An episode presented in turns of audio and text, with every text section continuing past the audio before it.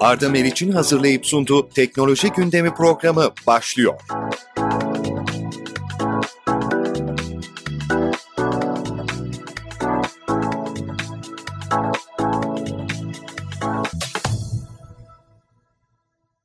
Sevgili dinleyiciler, Türkiye'nin en prestijli iş istasyonundan herkese merhaba. Güncel yaşam ve teknolojiye dair her şeyi konuştuğumuz, gündeme farklı bir bakış açısı getirdiğimiz Arda Meriç'le Teknoloji Gündemi başlıyor.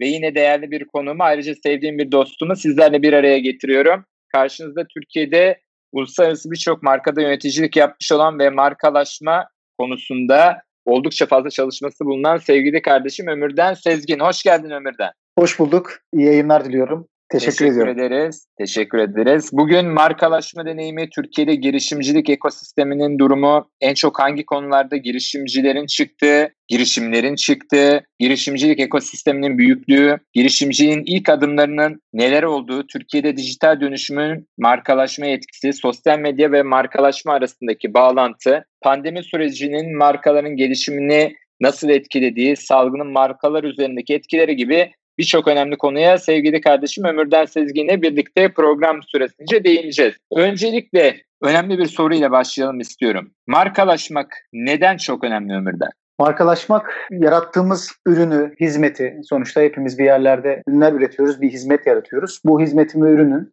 diğer hizmetler ve ürünlerden farklılaşarak daha fazla değerlenmesi, hak ettiği değere ulaşması anlamında önemli bir süreç. Bunun için e, sadece markalaşmada ürün veya hizmet satıyorum diye değil aslında karşıdaki hedef kitlenin hissettiği duyguyu düşünerek onun e, aklına girmek, onun aklında bir yer edinmek ve öyle bir değer oluşturabilmek açısından önemli. Bu hani çorap örneğini veriyorum hep. 3 liraya mal ettiğimiz bir çorabı içine markanın hikayesini, markanın heyecanını, hayallerini kattığımızda bunu işte 100 liralara 50 liralara satabilecek duruma gelebiliyoruz ki bu hani gerçek bir örnek. 2,5 TL'ye Bursa'da üretilen bir çorap Almanya'da bir mağazada işte 9.90'a 9.90 euroya satılır durumda şu anda e, evet. Almanya'da. Ve bunun da en büyük şeyi marka yolculuğunda bu yatırımların yapılıp bu şekilde pazara çıkartılması, bu şekilde sunulması diyebilirim. Aslında COBİ'lere anlatmamız gereken şöyle önemli bir nokta var. Ürünün kalitesi belli bir noktada tabii ki önemli ama o kaliteyi anlatabilmek için bir marka yaratılması, bu markanın dile gelmesi çok önemli. En açık örnekle aslında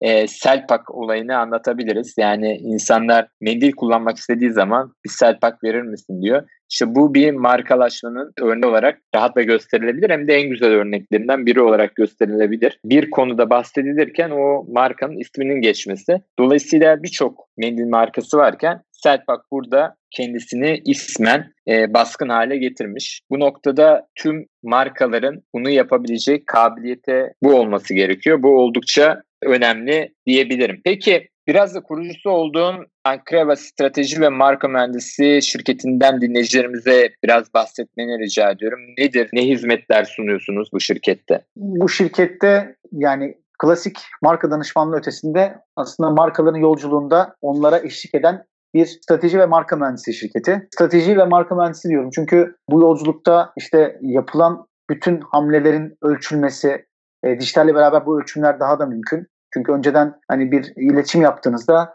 bunun ölçümünü yapamıyordunuz ve genelde Türkiye'deki iş insanları da göremediği bir şeye yatırım yapmakta istemiyorlardı. Zor yani markaya yatırım yaptırabilmek zor. Ben özellikle hep de somut şeylerden öte soyut şeylere yatırım yapılarak marka yaratıldığını söylüyorum. İşte hikaye yaratılması, bir filmin yaratılması, bir müziğin yaratılması hep bunlar soyut yatırımlar marka yolculuğunda. Kreva'nın yaptığı da e, baştaki o temeli oturtabilmek, strateji ve markanın kimliğini oturtabilmek. Ana üç fazdan oluşuyor. Zaten isim de oradan geliyor. E, analytics, creativity ve value adding diye biz üç e, ana şeyden e, ismi birleştirerek bu e, noktaya geldik. Ankreva dedik. Yani yabancı İngiliz isimleri kullandık çünkü globalde de bu hizmeti verebilme e, durumumuz var. E, İlk aşama analiz aşaması. Burada pazarı anlamak, tüketiciyi anlamak, rakipleri anlamak, rakipleri incelemek, onların kimlik kişilerine bakmak. Birinci faz, analiz fazı olarak değerlendirebiliriz. İkinci fazda yaratım fazı. Yani bu stratejileri, bu izleri yaptıktan sonra üzerine çalıştığımız markanın nasıl konumlandırılacağı, stratejisinin ne olacağı, kimlik kişiliğinin ne olacağı, nasıl bir insan, biz insanla benzetmeyi seviyoruz. Nasıl bir işte kimlik kişi derken nasıl bir insan olacağı, kıyafetinin ne olacağı, renklerin ne olacağı gibi kararların verildiği, temeline atıldığı faz diye söyleyebilirim yaratım fazına. Üçüncü fazda değer yaratma.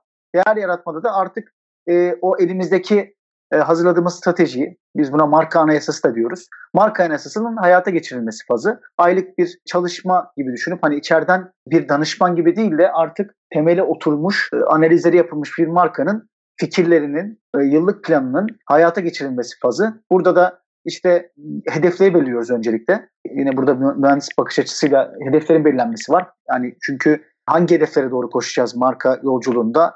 bilinirliğe koşacağız, imajın yaratılmasına koşacağız. Bunlar temel hedefler ama işte yeni müşteri mi kazanacağız, trafiği mi arttıracağız gibi hedefleri de burada çıkartıyoruz.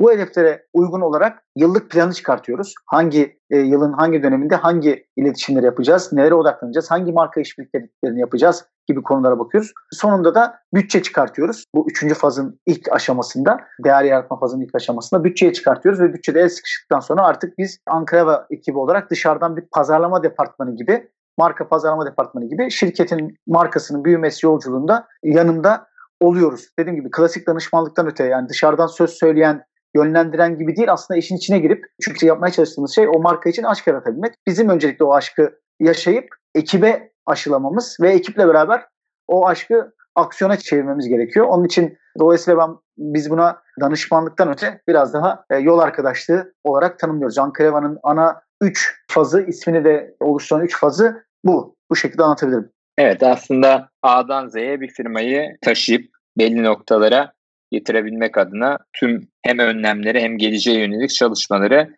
yapıyorsunuz anladığım kadarıyla stratejik olarak bir marka yaratımında şu önemli noktada demin de bahsettiğim gibi markanın yaratılması. Marka herkesin dilinde olmaya başladığı anda zaten ondan sonra yarattığınız ürünün faydası, kalitesi e, ikinci sırada yer alıyor. Ondan sonra lojistiği gibi noktalar harekete geçiyor ama en önemlisi markanın öne çıkması. Ee, burada da anladığım kadarıyla şirketlere bu konuda danışmanlık veriyorsunuz tüm detaylarıyla birlikte. Peki birçok çalışma ve girişim içerisinde de bulunuyorsun. Bu çalışmalardan da dinleyicilerimize bahseder misin? Birazdan geleceğiz gerçi harekete geçir konusunda ama e, harekete geçir dışında neler yapıyorsun? E, harekete geçir dışında yani e, aslında şu anda mesela Ankrev olarak 5 markayla birlikte çalışıyoruz. Bu arada sıfırdan marka yaratma dışında markalar mevcut yolculuklarında bazen geriye düşebiliyorlar veya bakış açıları nedeniyle eskiyebiliyorlar. Bunların da tekrardan canlanması yeniden işte rakiplerin önüne geçebilmesi anlamında da çalışmalar yapıyoruz. Buna yeniden konumlandırma diyebiliriz, relansman diyebiliriz. Bu da aslında yeni marka projeleri dışında mevcut markaların yolculuğunda destek vermek anlamında yapılan şeyler. Burada mesela e, üzerine kafa yorduğumuz en büyük çalışmalardan biri bir marka endeksi e, oluşturabilmek. İşte o markanın hangi noktada geriye düştüğü veya piyasaya baktığımızda, rakiplere baktığımızda bunun bir yazılımını yapma projemiz var. Hani marka buradaki verilerini girdikten sonra ne durumda olduğunu, rakiplere göre nasıl bir durumda olduğunu, yeni bir e, yapı, yeni bir çalışma içerisinde olması gerekiyor mu, gerekmiyor mu kararını verebileceği, e, metrikler üzerine kararını verebileceği bir mekanizma kurmaya çalışıyoruz. Bu bizi e, de heyecanlandıran e, projelerden biri. Hem e, Türkiye'deki durumu hem de globaldeki durumun durumunu test edebileceği buna göre aksiyonlarına karar verebileceği, yeniden strateji çalışması kararını verebileceği bir mekanizma olacak bu. Şunu da eklemek istiyorum az önce bahsettiğimiz yani et ihracat mesela çok fazla gündemde. Yani ürünlerin işte Türkiye'den e, dışarıya satılması e, insanlar buna işte heyecanla bakıyorlar. E-ihracata girelim, e-ihracata girelim ama burada markalaşmanın önemi de şöyle. Yani işte 3 liralık çorabı dediğim gibi Amazon'da 7 liraya koymak değil, markasıyla beraber onu oraya koyduğumuzda e, bunu işte orada 30 liraya 40 liraya satabildiğimizde önemli olan bu. Üreten bir Türkiye'nin üzerine aslında markalaşan bir Türkiye yaratma hayalimiz var. Bununla ilgili de bir bunu bir rapora dönüştürdük. Ondan da bahsedebilirim burada. Türkiye Marka Ofisi dediğimiz bir çalışmanın hayalini dokümante ettik. Yani vaktimiz varsa onlardan da kısaca bahsetmek isterim. Türkiye Marka Ofisi dediğimizde aslında Türkiye'de turizm tanıtım ofisleri dışında sadece turist çekmek, ziyaret çekmek için değil ülkeye, ülkeden markalar, güçlü markalar yaratmak açısından çalışan bir e, strateji ofisi gibi konumlandırıyoruz Türkiye Marka Ofisi'ni. İçinde e, turizm sektörünün e, artışı dışında girişimcilere gelen yatırımların da artması gibi bir hedef var. İşte yurt dışına göçü önleme veya yurt dışındaki kalifiye insanların tekrar Türkiye'ye dönmesini sağ, e, sağlayan bir hedef var e, burada. 9 tane maddede özetledik hatta ben onları kısaca şöyle anlatayım. Amaç bir tanesi yani Türkiye marka ana hedeflerinden bir tanesi dünyanın en değerli ilk 500 marka listesine 10 yıl içerisinde 10 Türk markası sokabilmek mesela. Soyut varlıkların gayri safi milliye hasılaya oranının OECD standartlarına göre ölçülmesi ve bu oranı en az %10 seviyesinde tutmak ki şu an çok gerideyiz. Soyut yatırımların daha fazla olmasını sağlayacak ki bu düşünen bir Türkiye, marka yaratan bir Türkiye, yeni fikirler yaratan bir Türkiye'nin de e, fikirlerinin değer, değerlenmesi sağlayan bir Türkiye oluşturacak. İhracattaki ithal girdi payını %20'lerden %10 seviyesine düşürebilmek. Yani burada yerli tüketimi e, arttırabilmek gibi bir hedef var. İşte yılda ortalama 250 bin olan beyin göçünü tersine çevirmek, yetenekli sermayesini Türkiye'de arttırabilmek, Türkiye'de tutabilmek. Beşinci de girişim yatırımlarının, şu anda girişimcilik Türkiye'de e, geçen sene 106 e, milyon dolar. Bu senede yaklaşık 139 milyon dolarlık bir e, yatırım e, söz konusu oldu bu sene yapılanlarda ve bunu Türkiye Marka Ofisi'nin hedefleri arasında 300 milyon dolar seviyesine çıkartabilmek. Çünkü girişimcilik Türkiye'nin en önemli, ekonominin en önemli itici güçlerinden biri. Bir başka madde Türkiye'de her sene en az bir yeni, yeni unicorn çıkartabilmek. Yani ne kadar yani bunu gerçekçi bir şekilde uygulayabilmeye çalışıyoruz. Yedinci de Türkiye'ye gelen turist sayısını 80 milyon çıkartabilmek. Şu anda 50 milyon civarında. Bu mesela şu an Türkiye Tanıtım Ofisi, kentlerin tanıtım ofisleri bünyesinde kalan yapıların, içerisinde bulunan yapıların hedefleri arasında. Ama marka dediğimiz zaman o dediğim diğer hedefleri de kapsıyor. 8'de turist başına geliri 1500 dolar seviyesine çıkartabilmek ki bu İspanya'da 1200 dolar civarında. Türkiye'nin şu andaki kişi başına düşen, turist başına düşen geliri 600 dolar civarında. Bunu 1500 dolara çıkartabilir. Yine marka ofisinin hedefi. Dokuzuncu hedefi de Türkiye'yi ziyaret eden turistlere uygulanacak olan anketler ile e, işte NPS dediğimiz skorun arttırılması. Yani insanların Türkiye'ye girip bunu tavsiye etmesi daha fazla genel arttırması ve Türkiye Algı Endeksi araştırması yılda bir kere gerçekleştirilerek Türkiye markası, Türkiye isminin ne noktada olduğunu bilinmesi ve buna göre ölçümlenerek Türkiye marka ofisine hedefler verilmesi gibi yapısı var. Bununla ilgili bir detaylı bir rapor yayınladık. Daha yayınlamadık aslında ilk defa burada anlatıyorum. Bu programdan sonra da e, çeşitli kanallar üzerinden e, raporu paylaşmayı, konuda insanlara bir farkındalık yaratmayı bu hayalimiz konusunda amaçlıyoruz. Ee, Ankara olarak başladık ama ben Türkiye'nin genel ihtiyacı olduğunu, böyle bir çalışmanın genel ihtiyacı olduğunu söyleyebilirim. Evet oldukça önemli bir konu. Ee, bu konuyla ilgili detayları da ilk defa Endüstri Radyo'da Arda Meriçli Teknoloji gündemi programında dinleyicilerimize aktarıyorsun. Bu çok önemliydi. Ee, gerçekten tabii raporu görüntüleyemiyoruz ama e, dinleyen dinleyicilerimiz özellikle COBİ'ler bu raporu senin aracılığına ulaşabilirler ve rapordaki detayları görüntüleyebilirler. Peki markalaşmada Türkiye ne konumda? Yani dünyayı göz önüne aldığımızda Türkiye markalaşmanın neresinde? Türkiye markalaşmanın şu, şu rakamdan bakmak lazım. En değerli dünyadaki en değerli markaların listesi yayınlanıyor her sene. İlk 500 markanın listesi var. Bu anlamda saygın bir kuruluşun yaptığı bir sıralama bu. Ve en değerli markaya baktığımızda işte bir e-ticaret markası 122 milyar dolarla bu sırada yer alıyor. En gerideki markanın da en alttaki markanın da yanılmıyorsam 8-9 milyarla milyar dolarla yer aldığını söyleyebiliriz.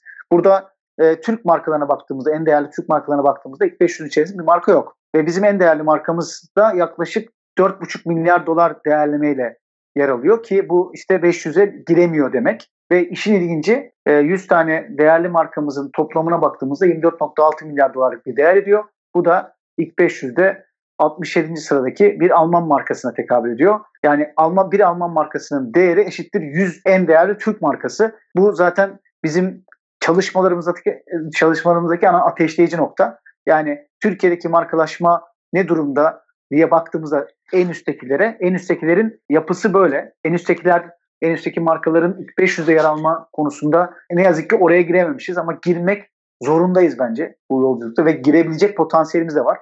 Ben şöyle görüyorum ülkedeki e, potansiyeli. Yani hep soyut şeyler değil ki soyut şeyler demek yaratıcılık demek. İşte fikir üretmek demek. Bence Türkiye yani bulunduğu coğrafya itibariyle, işte dört mevsim yaşaması itibariyle, işte gençleri itibariyle, dinamizmi itibariyle, yaşa, yani kültürel ve tarihi zenginlikleri itibariyle zaten bu yaratıcılıkları, bu fikirleri, düşünceleri oluşturmuş, soyut şeyleri çok güzel oluşturmuş bir ülke. Ve bundan sonra da bu gücünü, bu yeteneğini daha stratejik ve daha ne derler, daha kapsamlı ve daha uzun vadeli yatırımlarla bunu uygulasa yarattığı, ürettiği ürünleri, ürettiği hizmetleri, hizmetlere bu soyut varlıkları kattığında daha büyük markalar yaratma, mevcut markalarında dünyaya daha güçlü şekilde anlatabilme potansiyeli var. Ve ben inanıyorum ki özellikle pandemiden sonra veya şu, şu süreçte de yani e, yurt dışı şöyle bir cevheri görecek Türkiye'de. Yani burada ciddi anlamda bir genç potansiyel var. Girişimcilik potansiyeli giderek artıyor. Girişimcilik sektörü giderek hızlı artıyor ve yurt dışındaki yatırımcılar diyecek ki biz Türkiye'deki gençlere çünkü bizde bunlarda fikir var ama e, şey yok, kaynakları yok. Yurt dışı girişimciler diyecek ki Türkiye'deki girişimcilere biz yatırım yapacağız, onları geliştireceğiz, onları büyüteceğiz. Çünkü Avrupa'da bu kadar bir dinamik yapı yok. Amerika'da bu kadar dinamik bir yapı yok. Yani benim inandığım, gördüğüm, hatta bugün bir yerde dinledim. Yani çok çalışkan bir ülkeyiz aslında. Yani dünyanın hiçbir yerinde geceleri 12'ye kadar açık dükkanlar bulamazsınız yani. Bizim sokaklarımız cıvıl cıvıl. İnsanlar pandemi öncesinde diyelim. Sokaklarda işte açık mağazalar, çalışan insanlar çok çalışıyoruz. Haftalarca yani hafta başına baktığımızda Avrupalıya göre çok daha fazla çalışıyoruz. Hafta sonu bile çalışıyoruz. Geceleri mesajlar atıyoruz. Geceleri hala çalışmamız devam ediyor. Ama sadece çalışmak değil, verimli çalışmak. İşte marka yarattığınızda Avrupalı marka yarattığı için bir ürettiğinden 10 kazanıyor. Biz bir ürettiğimizden bir kazanıyoruz. İşte bir ürettiğimizden evet. 10 kazanmak demek biraz daha düşünmek demek. Daha fazla evet. fikir yüklemek demek. Buna demek ihtiyacı... ki e, demek ki yatırımları doğru yere yapmamız gerekiyor. Doğru yere yapmayınca çok çalışmada e, boşa gidiyor. Bunu açıkça görebiliyoruz. Sevgili dinleyiciler Arda Meriç'le teknoloji gündemi tüm hızıyla devam ediyor. Konuğum Ömürden Sezgin markalaşma ile ilgili görüşlerini paylaşıyordu. Markalaşmak çok önemli. Evet Türkiye çok daha fazla çalışıyor ama ilk 500'de bir Türk şirketi yok. Demek ki yatırımlarda yanlışlıklar oluyor. Fazla çalışmak veya mesai olarak fazla çalışmanın getirisi ne manevi ne maddi olarak tanımlanabiliyor. Maalesef buradaki çalışmaları daha genişletmemiz gerekiyor. Daha doğru hareket etmemiz gerekiyor. Burada iyi kanalize olmak gerekiyor. iyi analiz etmek gerekiyor. Vurdum duymaz bir şekilde ya çalışalım çalışalım çalışalım ama işte yatırımları da yapmak gerekiyor. Özellikle pazarlama faaliyetlerinde. Pazarlama faaliyetleri genelde Türkiye'de hep getirisi net olarak görüntülenemeyen varlıklar olarak neticeleniyor ve yatırımda öne çıkmıyor. Genelde hep ürün yatırımı, işte geleceğe dönük yatırımlar yapılıyor. Fakat pazarlama yatırımı olmayınca da işte markalaşmada öne çıkamıyorsunuz. Bu oldukça kısır bir döngüye dönüyor bir süre sonra ve e, bu döngü içerisinden markalar, firmalar çıkamıyor. Onun için bu konuda doğru noktalardan danışmanlık alınması gerekiyor ve markayı özellikle uluslararası pazara açılmak istenen markaları doğru noktalara taşımamız gerekiyor. Peki gelelim son günlerin popüler konusu harekete geçire. Nedir bu harekete geçir? Dinleyicilerimiz detaylı olarak aktarmanı rica ediyorum Ömür'den. Harekete geçir bir yeni bir etkinlik konsepti aslında. Bu, bu bahsettiğim girişimcilik ekosistemi özelinde. Girişimcilik ekosistemi Türkiye'de hızla ilerleyen, hızla büyüyen bir sektör ve dediğim gibi bir önceki seansta konuştuğumuz Türkiye'deki ekonominin canlanması ve yeni markalarını çıkartması anlamında da en itici güçlerden biri girişimcilik. Biz bunun özelinde bu kitleyi, bu hedef kitleyi bir araya getirmek, onların birbiriyle tanışmasını sağlamak anlamında bir etkinlik düzenleyelim istedik. Ve bu etkinlikte yine insanların bir konferansı, kongreyi, dijital bir konferans kongreyi dinlemesi gibi değil, insanların profillerini oluşturup birbirine tanışmasını sağlayacak bir yapı kurguladık. Çünkü Mart ayından beri baktığımızda etkinlik sektörü dijital etkinlikler artık ben öyle söylüyorum klasikleşen dijital etkinlikler haline geldiler. Bu ne demek? Tek taraflı webinar bir kişi konuşuyor, iki kişi konuşuyor, üç kişi konuşuyor. Onları dinlediniz ve pasif olarak geride kaldığınız konuşmacı şey dinleyici olarak bir yapısı var. Oysa ki fiziksel etkinliklerde nasıl oluyordu? Sahnede biri konuşuyor ve sahneden indiğinde etrafını insanlar görüyor, soru soruyorlar. O arada başkasıyla tanışıyorsunuz. Fuaye alanında başkasıyla tanışıyorsunuz. Yemek sırasında bile arkanızdaki biriyle kulak misafir olup onunla tanışıyorsunuz. Pandemi döneminde bunları yaşayamadık. Yani bunlar olmadı. Ve biz dedik ki bu konuşmalar değil, e, İlham yani insanların sahnede yaptığı konuşmalar değil, insanların bu birbiriyle tanışmalarını sağlayacak bir etkinlik yapalım girişimcilik sektörü için. Çünkü girişimcilik sektörü hakikaten dinamik dinamik bir sektör ve orada tanışacağınız kişiler bu dönemde fiziksel etkinliklerde tanıştığınız kişiler size farklı yön veren, sizi farklı yönlendiren belki o bulacağınız bir iş ortağı olabilir, bulacağınız bir mentor olabilir. Sizin girişiminizi, fikrinizi bir üst seviyeye çıkartabilecek etkisi olan kişilerle tanışma fırsatınız vardı. Şimdi bunu yaşayamıyoruz. İşte harekete geçir de insanların, girişimlerin mentorlarla, girişimlerin yatırımcılarla, girişimcilerin kendi arasında, girişimcilerin ekosistem paydaşlarıyla tanışabileceği, birbirlerine 15 dakikalık toplantı atabileceği bir yapı. Bunun için de yine bu anlamda güçlü bir altyapı sunan Dealroom platformunu kullandık. Finlandiya merkezi bir etkinlik platformu bu. Türk mühendisler tarafından geliştirildi. İçerisinde global yani uluslararası bir ekip çalışıyor şu anda 10 kişilik ama ana şeyi Türk mühendisler tarafından geliştirildi ve o bize insanların profilleriyle içeri kaydolup birbirlerine toplantı atmasını sağlayan bir yetenek sunuyor. Şu anda içeride mevcut durumda yani yaklaşık işte 18-19 günümüz var ama içeride girişimciler var kaydolan profilleriyle. Yatırımcılar var, ekosistem paydaşları var, teknoparklar, teknoloji geliştirme ofisleri gibi kuruluşlar var, odalar var, sivil toplum örgütleri var ve yavaş yavaş markalar da içeri girmeye başlıyor. Bütün bu atılan birebir toplantılar 27 Şubat günü sabah 9'dan itibaren akşam gece 12'ye kadar devam edecek. İnsanlar istedikleri kişiye, ilgilendikleri kişilere toplantı davet atıp bütün gün boyunca onlarla görüşerek işlerini geliştirebilecekler. Zaten şöyle tanımladık. 27 Şubat'ta harekete geçirdi. Tanış, paylaş, geliştir, ekosistemi harekete geçir diye de bir söylemimiz var. Harekete geçirde farklı şeyler de olacak şey dışında, birebir tanışmalar dışında. E, üç tane sahne ayarladık. Bir tanesi harekete geçir sahnesi, bir tanesi girişimcilik sahnesi, bir tanesi de ekosistem sahnesi olmak üzere. Burada da ilgili paydaşlar sunumlarıyla katılacaklar diyebilirim. Evet oldukça önemli bir çalışma en azından interaktif olması çok önemli. İnsanların yapacağı ticareti, fikirleri birbiriyle paylaşabileceği bir ortamı bulması e, ve bununla birlikte hemen aksiyona geçebilmesi zaten harekete geçirdi. Çok önemli. Bu noktada yapılan çalışmalar, yapılacak çalışmalar gerçekten interaktif olarak öne çıkacaktır. Umuyorum birçok kişi bundan faydalanır. Peki gelelim merak edilen bir konuya. En çok şikayet alan sektörler hangileri ve hangi illerimiz şikayet konusunda ilk sıralarda yer alıyor? Şimdi şöyle ben şöyle giriş yapayım. Ankreva olarak biz e, işte 5 e, markadan biri şikayet var. Şikayet varla uzun zamandır birlikte çalışıyoruz. Onların yeni stratejilerini, yeni kurgularını tasarladık ve ona göre iletişimler yapıyoruz. İçinde aslında şikayet var. Şikayet sitesi dışında insanların karar verdiği ve çözüm üretilen bir çözüm üretmeye sağlayan site bir marka ve geçen hafta yani 6 ay boyunca farklı farklı e, haberler yayınladık, farklı farklı raporlar yayınladık içerideki datalardan. Yani şikayet sayısındaki artışa göre bir markanın merak edildiğini, şikayet var sayfasındaki ziyaretine göre markanın daha fazla merak edildiğini e, görebiliyoruz. Buna uygun olarak e, raporlar çıkarttığımızda Google'daki aramalar gibi şikayet vardaki aramalarda o derece marka açısından önemli. Artan şikayetleri de o sektörün giderek büyüdüğünü gösteren veriler diye söyleyebilirim. Geçen hafta tüm 2020'yi anlatan bir rapor yayınladık. O raporun detaylarını konuştuğumuzda 2020'de hakikaten geçen senelere göre çok daha farklı olaylar oldu. Şikayet sayısı özellikle Mayıs ayında pandemi başladığı evde kapandığımız dönemde ciddi oranda arttı. İnsanlar özellikle bu ürünlere ulaşamama yani kargo ve ticaret sektörü burada başı çekti. Ürünlere ulaşamama,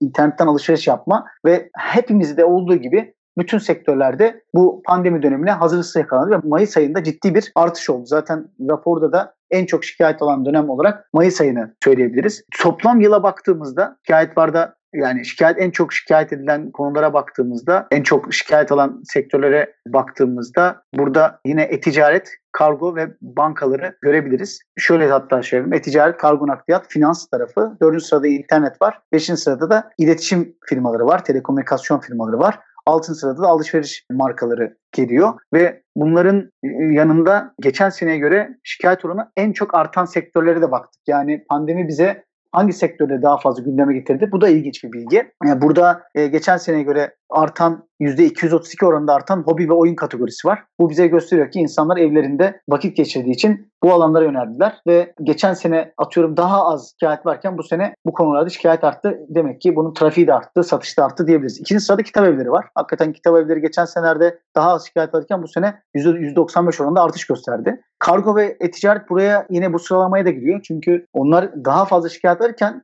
geçen sene ama bu sene yine fazlaca şikayet olarak yine bu en çok artan sektörler listesine de girdiler. Enteresan şeyler de var burada. Mesela ev mutfak aletleri %164, elektrikli ev aletleri kişisel bakımlar %147 gibi insanların evde geçirdiği, evde bulunduğu sürede daha fazla kullanacağı, böylece alışverişe artan ürünler de bu listeye girmiş durumda. Geçen senenin toplam rakamına baktığımızdaki şikayet artışı onda %82. Yani geçen sene 1.9 milyon şikayet gelirken bu sene 3.6 milyon şikayet gelmiş ve şeyde de en ilginç rakamlardan biri de en çok şikayet eden illeri bahsediyoruz ya burada şeye baktık. Bin kişi başına düşen şikayet oranına göre bir Türkiye şikayet haritası hazırladık. Ve burada en çok şikayet verilen il Ankara oldu. Ankara 74 şikayette en çok şikayet, bin kişi başına şikayet edilen il diyebiliriz. İstanbul 70.5'te ikinci, İzmir 59.3'te. Üçüncü sırada en az şikayet düşen il de Muş. Yani 2.1 şikayet düşmüş e, bin kişi başına. Sonra Adıyaman izliyor, sonra Bingöl izliyor gibi belirtebiliriz. Bu bize şeyi gösteriyor. Yani hakikaten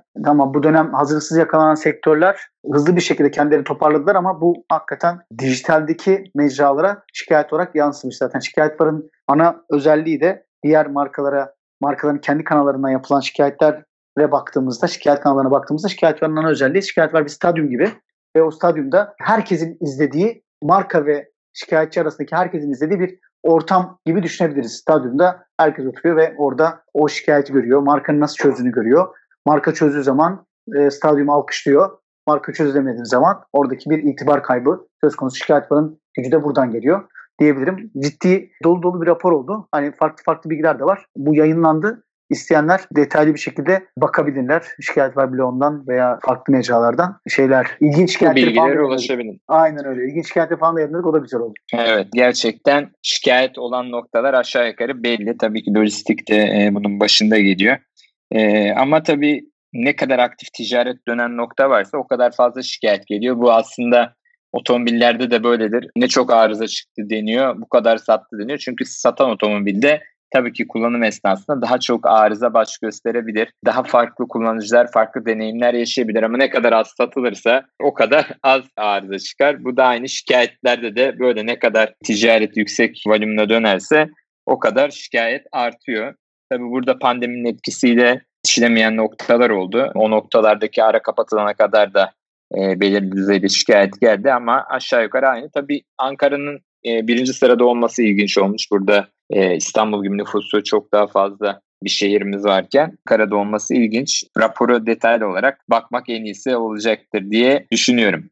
Şimdi gelelim girişimcilik konusuna. Türkiye'de girişimcilik ekosisteminin durumu nedir Ömür'de? Türkiye'de girişimcilik ekosistemi şöyle e, bizim e, sıralamaya baktığımızda yine rakamlarla e, baktığımızda geçen sene dediğim gibi 106 milyon dolarlık bir yatırım varken e, bu sene toplam yatırım oranı 139 yani 2020 yılında 139 milyon dolar. Ligdeki yerimize baktığımızda bir bunların bir hani şey girişimcilik anlamında bir ligi, ligine baktığımızda bizim durumumuz Süper Lig'dekiler işte İngiltere, Almanya, Fransa bu yatırımların yapıldı. Yani geçen 2019 rakamlarına baktığımızda 5.3 milyar dolarlık mesela Almanya'da bir yatırım söz konusu olmuş. Fransa'da 4.1 milyar dolarlık. E, Türkiye 2019 sıralamasında 102 milyon dolarla birinci ligde, birinci ligin en sonunda. Birinci ligin en başında Bel Belçika var mesela 596 milyon dolar. E, Danimarka 546 milyon dolar. Bu Startup Watch'un yayınladığı bir rapor. İkinci lig var, üçüncü lig var. Hani üçüncü ligdeki en sondakini söyleyelim. Orada 500 bin dolarlık bir yatırım şeyle Sırbistan, 2.9 milyonla Bulgaristan var. Biz onlara göre çok çok daha iyiyiz ama e, nüfus ve e, dinamizme baktığımızda bence Belçika, Danimarka, Finlandiya'nın çok çok üzerinde olmamız gerekiyor diye düşünüyorum.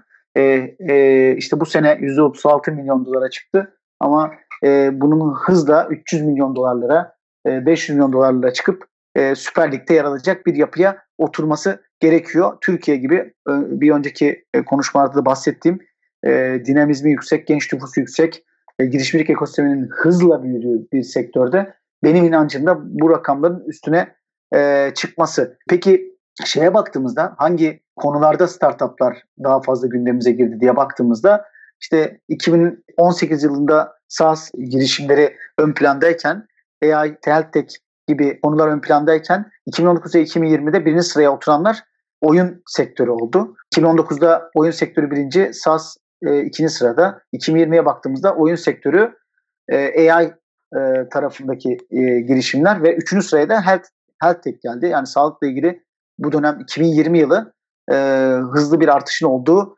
sektörler. Hatta şöyle söyleyelim e, oyun startup'ı 70 e, sayı olarak. Geçen sene 71'miş. E, ondan önceki sene 2018 47. 47'den 71'e ve 70'e e, fırlamış. E, şeye baktığımızda, AI'ye baktığımızda e, 42 ve 2019-42 bu sene 2020'de 31. sırada ama ikinci sıraya oturmuş e, diyebiliriz.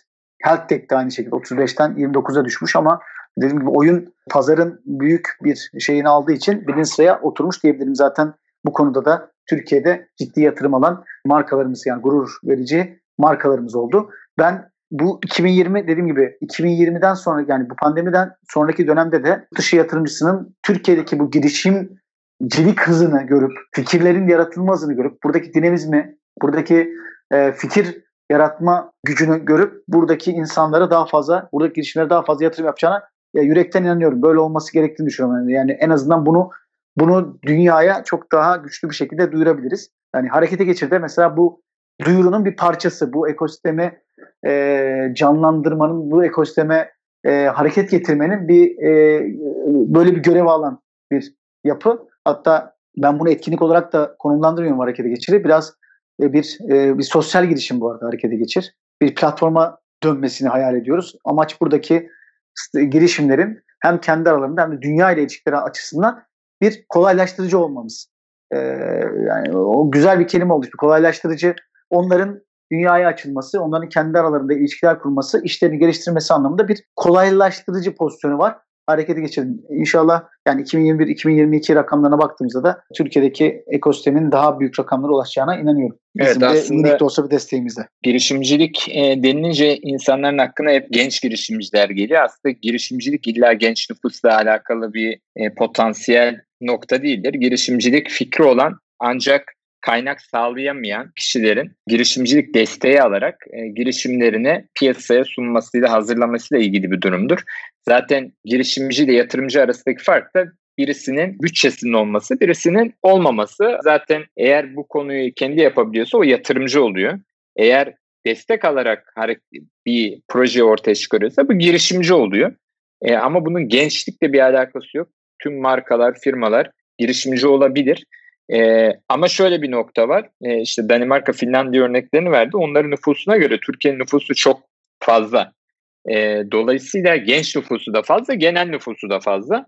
E, Türkiye'de tabii ki çok daha e, aktif e, dünya markası çıkması e, daha muhtemel. Fakat e, bu noktalarda çok geriyiz. Hem girişimci hem yatırımcı açısından hep yurt dışından yatırımcı bekliyoruz.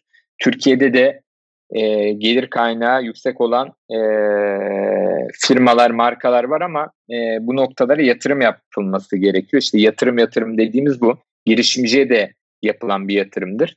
E, kendi bir girişiminiz varsa, bütçeniz de varsa bu yaptığınız şeyin adı da yatırımdır.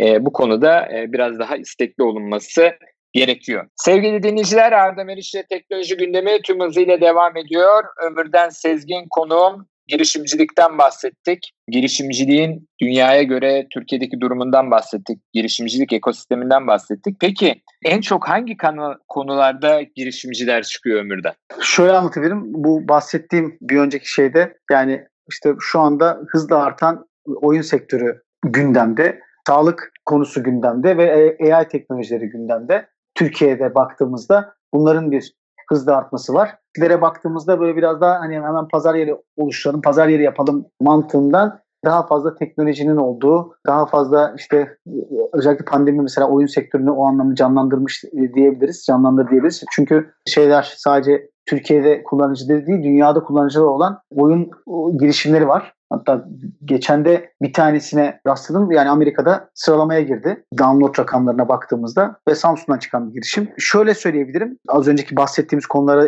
ek olarak toplam bu 136 milyon dolarlık yatırım şehirlere göre nasıl dağılıyor? Yani İstanbul 124.5 milyon dolarla en fazla yatırımın yapıldığı, yatırımın çekildiği şehir olarak bakıyor. Bu, bence bu hani nasıl Danimarka, Finlandiya, Türkiye dengesini söyledik ya bence bu da önemli bir metrik. Yani her şeyin İstanbul'da yapılması yani diğer geri kalan 12 milyon doların zaten 10 milyonu Ankara'da 2.1 milyon Eskişehir'de mesela Eskişehir bu anlamda şey. İzmir 0.9 milyon dolarla dördüncü sırada ama diğer şehirlerimize baktığımızda yatırım rakamları çok çok daha düşük. Yani bence ülkenin girişimcilik anlamındaki gündemine bu yatırımların e, şehirlere göre daha dengeli dağıtılması konusu da var. Konusu da olmalı. Çünkü yani işte şey yani tamam kalabalık nüfus ama yani belki İstanbul'u hesapladığımızda kişi başına düşen yatırımda çok daha gerilere düşecektir böyle baktığımızda ama her şey İstanbul'da oluyor. İstanbul'da yaşanıyor gibi bir algı var. Ben inanıyorum ki işte dijitalin etkisiyle pandemi döneminde insanlar daha fazla farklı şehirlerde de olsalar kendilerini daha fazla gösterebilecek ve yatırımları alabilecek bilgiye yani şöyle bir durum oluştu. Öyle bir demokratikleşme oluştu ki hem eğitim tarafında hem bu e, paylaşım tarafında yani Kars'taki bir girişimde şu anda İstanbul'da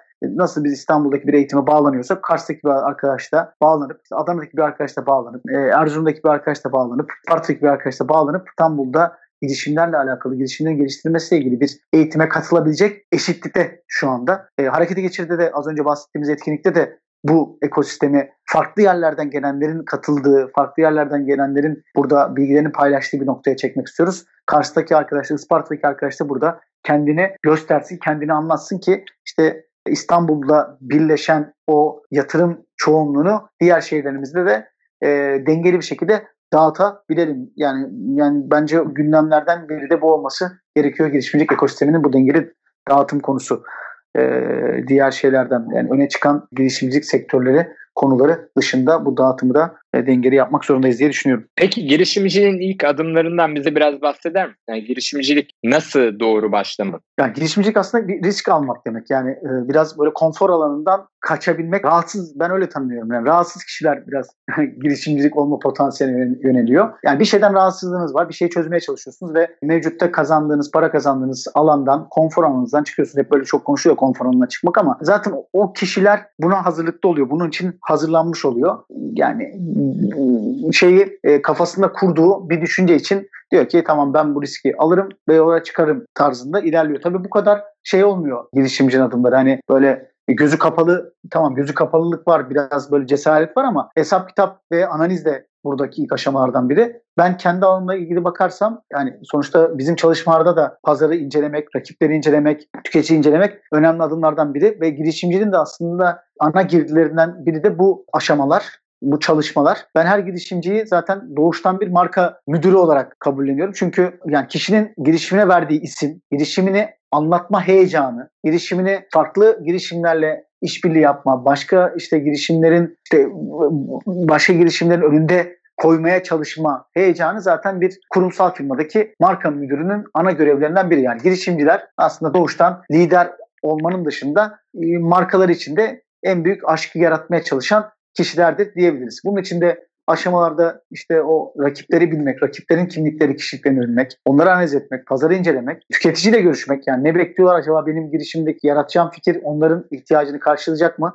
veya nasıl karşılaması gerekiyor gibi konuları girişimi başlatmadan önce temel olarak alması ve buna göre bir iş planını oluşturması önemli. Şu anda yaşadığımız şeylerden biri de yani adam çok iyi bir yazılımcı, çok iyi bir teknik adam, çok güzel fikri var yapıyor ama anlatamıyor. Yani bizim benim dokunduğum e, kişilerde genelde böyle veya ben Türkiye'deki sorunlarını sorunları da böyle görüyorum. Yani adam çok teknikte ve işin operasyonu tabii ki olacak. O işin akması önemli ama bence akması kadar anlatılması da önemli. Onun ilgili kişilerin gözüne e, iyi bir şekilde anlatılması, çıktığı anda kıyafetinin insan gibi tanımladığım için hani kıyafetinin, işte kravatının, ceketinin eteğinin neyse yani o şekilde işte temiz olmasından başlayalım şık olmasına kadar ki aşamaları yani oluşan girişimin anlatılması süreci önemli çok önemli bir aşama diye düşünüyorum ve Türkiye'de eksiklerden biri. Yani girişimler kendini anlatamadıkları, çok iyi anlatamadıkları için bir anda e, bekledikleri ilgiyi göremiyorlar çok güzel, çok etkili fikirler olsa bile hani Türkiye'de anlatamıyorlar, dünyada anlatamıyorlar ama işte yine markacı bakış açısı da söyleyeyim. Orası kendini anlatabilmek, ismiyle, markanın ismiyle, sloganıyla, görselleriyle anlatabilmek önemli. Yani şöyle girişimler gördüm. Yani adam bir yani isim bulmuş tamam isim iyi desek bile logosu 5 renkten oluşuyor, 6 renkten oluşuyor. Yani fazla renk demek fazla güç harcamak demek. Yani bir tane rengi sahiplenmek e, en basitinden sizin gücünüzü arttıran faktörlerden biri. Yani diyorsunuz ki benim rengim yeşil, benim rengim mavi. Bu sefer bütün ekip mavi rengi giyiyor, siteniz mavi renkte. Bir güç oluşturuyorsunuz. Yani marka aslında bu gücü de yayabilmek, bu standartları oluşturabilmek.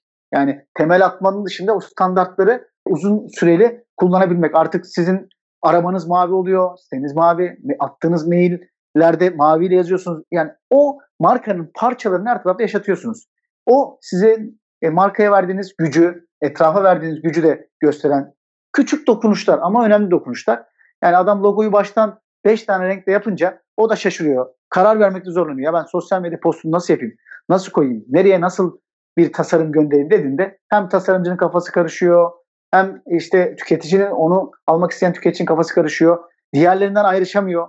Yani Google tamam, eBay tamam. Onlar renkli yapabilir. Gücü var çünkü. Ama bir startup'ın nacizane yani en basit bir örnekten söyleyeyim. E, rengini kararında bile en baştan verip buna göre hareket etmesi önemli. O temeli kurmayınca ne kadar teknik, ne kadar güçlü olsa da e, başarılı bir şekilde yolculuğunda devam edemiyor diye söyleyebilirim e, girişimcilik aşamalarını saymak gerekirse. Evet. Peki sosyal medya ve markalaşma arasındaki bağlantı nedir sence? Sosyal medya yani ben sosyal medya tarafına şey diyorum aslında dijital markalama dijital yani sosyal medyacıdan öte o, o işte uğraşanlara dijital marka müdürleri diye tanımlayabiliriz. Çünkü eskiden televizyon işte radyodur varken ve her marka oraya çıkamazken şu anda sosyal medyada herkes, her marka yine orada da bir demokratikleşme sağlandı. Herkes yer alabiliyor. Tabii ki oradaki sıkıntı da mecralara bir medya bütçesi verip kendini daha fazla gösterebilmekte.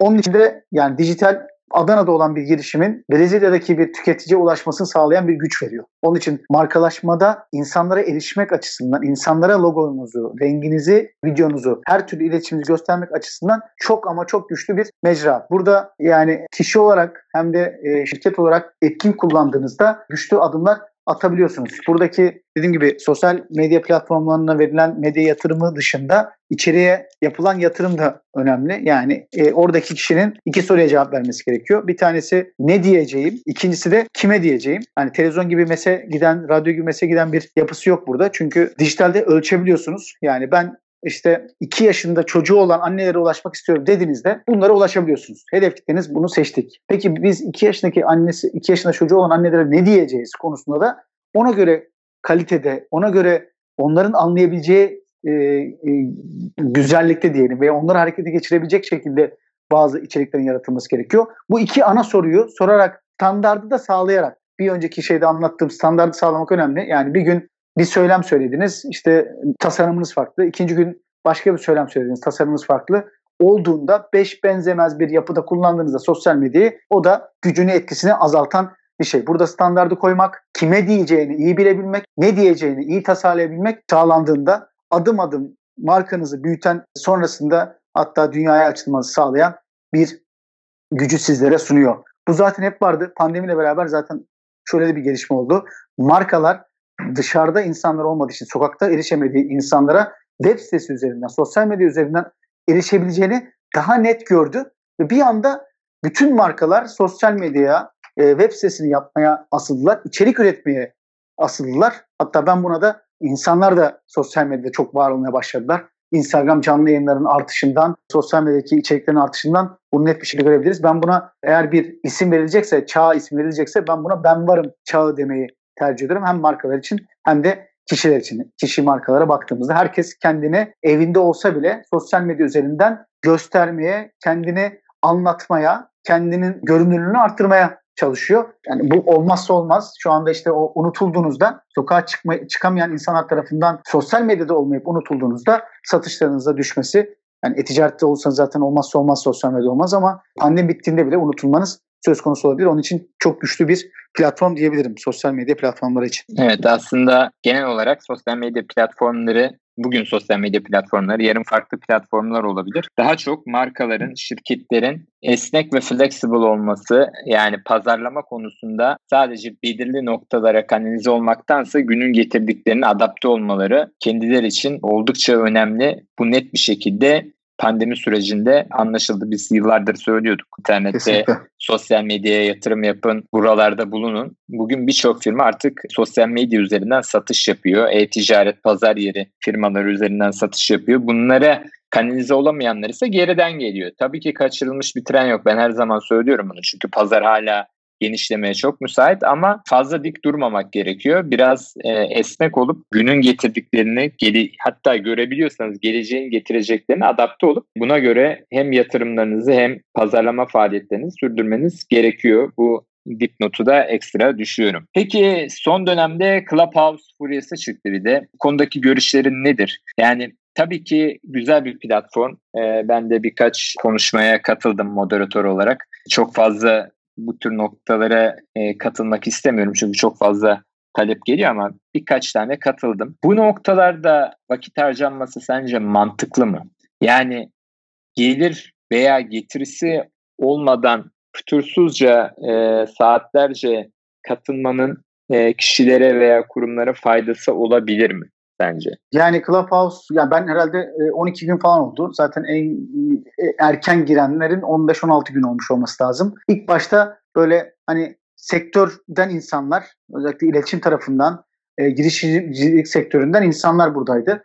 Belki 300 kişiydi, 500 kişiydi ama böyle hızlı bir şekilde arttı. Her sosyal medyada olduğu gibi bir yani akış sergiliyor ama burada şöyle bir şey var. Senin de dediğin gibi bu önemli yani. Burası insanların sesle beraber ürün ürettikleri yani sesle beraber katıldıkları bir mecra ve hani Twitter'da düşünüp düşünüp e, işte 140 karakter yazmaya benzemiyor. Facebook işte Instagram'da anında fotoğrafı çekip paylaşma, paylaşıp ondan sonra işte yemeğini yemeye devam etmeye benzemiyor. Burada hakikaten aynen şu anda radyo programında olduğu gibi dedike olman ve o kişileri dinlemen lazım. Birincisi bu anlamda zamanın çok gittiği bir platform. Dinleyiciler de gerçekten hani orada e, dinlemeye çalışıyorlar, ilgilenmeye çalışıyorlar. E, ilgili konu bulduklarında hemen ön tarafa çıkıyorlar. E, ama yani oradaki sahnedeki kişiler için hakikaten zaman alan bir şey e, platform. Bir, iki, iki yani oradaki sıkıntı da bunun kaydının alınamaması. Yani oradaki konuşmaların mesela bizim işte 12 gün önce benim katıldığım bir e, programdaki söylediğim değerli bir şey veya oradaki değerli bir tartışmamıza kaydı yok. Oradan baktığımızda aslında yaratılan güzel bir değer var ama bunun e, bir daha fazla fazla kişiye paylaşılması anlamında bir katma değeri olamıyor oradaki dinleyiciler dışında. Gelir modeline baktığımızda en önemli konulardan biri bu. Yani orada konuşuyoruz ama hani hakikaten konuşulan değerli şeylerin işte bunun kaydının olmaması, çok emek verilmesi anlamında bir karşılığı olabilir ileride olması lazım. Bunun için markalar da, ajanslar da yani içerideki yani ben de işte ilk 6 gün ciddi anlamda deneyimledim. Şu anda biraz daha uzağım. Çünkü hakikaten e, yani iş, ya işim olmaması lazım. E, işte ya işte ailemin olmaması lazım diyelim. E, veya işte e, hakikaten bu, bu işe odaklanmış biri olmam lazım. O, o anlamda zor. Ama gelir modeli e, açısından baktığımızda markalar belki burada sponsorlu yani kendi isimlerini başlığa taşıyarak veya bazı kişileri kendileriyle andırarak diyelim onların sponsor olarak burada varlıklarını sürdürebilirler. O değerli konuşmacılar işte bir çay markasıyla, bir e, kahve markasıyla kendini anıp belki logosunu, profilini değiştirip, değiştirip çünkü sadece görebildiğiniz kişinin profil fotoğrafı ve üstte yazan şey o oturumun başlığı. Yani buralarda bir oynama yapıp markalar buralarda yer aldıkça buradan bir e, gelir modeli çıkabilir ama moderasyon da iyi olması lazım. Oradan aşağıdan el kaldıran birinin geldiğinde o toplantı salonundaki konuşmayı e, yanlış bir noktaya çekecek bir yorum yapmaması lazım. Bu da kritik. Ben daha fazla tartışmanın olacağını bekliyorum bu arada. Yani bakalım göreceğiz nasıl ilerleyecek. Evet bu konu oldukça önemli. Tüm sponsorluklarda e, sponsor yatırımı yaptığınız kişinin e, veya kurumun sizi taşıyabilmesi, sonradan yapacağı hareketler oldukça önemli. Çünkü burada yapılacak bir yanlış markanızı mal olacaktır. E, o yüzden pazarlama faaliyetlerinde buna ekstra dikkat edilmesi gerekiyor. Eğer bu tür pazarlama faaliyeti yapacak dinleyicilerimiz varsa e, buna önem göstermeleri gerekiyor. Çünkü bugün sizin markanızda e, yaptığın sözleşmelere göre yarın e, sizin ticari markanıza benzer faaliyet gösteren firmayla da yapabilir. Bu da sizin markanız açısından hoş olmaz. Bu gibi durumlar yaşanıyor çünkü yaşanmışlıklar var. Bunlar da dikkat edilmesi gereken noktalar. Tabii bu ayrı bir program konusu olabilecek kadar geniş sponsorluk yatırımları. Evet programımızın sonuna doğru gelirken programa değer kattın ve değerli bilgilerini sevgili dinleyicilerimize paylaştığın için çok teşekkür ederim. Hem keyifli hem de değerli bir sohbetti. Son olarak iş dünyasının Prestiji Radyosu'nun dinleyicilerine genel manada aktarmak istediklerin varsa serbest olarak dinleyicilerimize paylaşabilirsin. Hemen arkasından programın kapanışına geçeceğiz. Ben de çok teşekkür ediyorum. Güzel bir sohbetti. Değer yaratabildiysek bu kanal üzerinden, bu program üzerinden ne mutlu bize. Ben sürekli dinlemeye devam ediyorum. Çok da güzel besleniyorum. E, bu açıdan da bir dinleyici olarak da sana ve dinley diğer dinleyicilere teşekkür etmek istiyorum. Radyoya teşekkür etmek istiyorum. Tekrar görüşmek üzere diyelim. Harekete geçirde görüş, görüşmek üzere. Tanışalım, paylaşalım, geliştirelim, harekete geçirelim diyorum. Teşekkürler. Biz, ben de tekrardan teşekkür ediyorum. Hem kendi adıma hem dinleyicilerimiz adına önemli bilgileri bizlerle paylaştığın için. Sevgili dinleyiciler, Türkiye'nin en prestijli iş istasyonu Endüstri Radyo'da Arda Meriç'le teknoloji gündemi bugün sona eriyor. Arda Meriç'e teknoloji gündemi resmi mobil uygulamamızı ve içerisindeki sürprizleri takip etmeyi unutmayın. Önümüzdeki programda yine değerli bir konumla birlikte sizlerle bir araya gelmek üzere. Şimdilik hoşçakalın, sağlıkla kalın.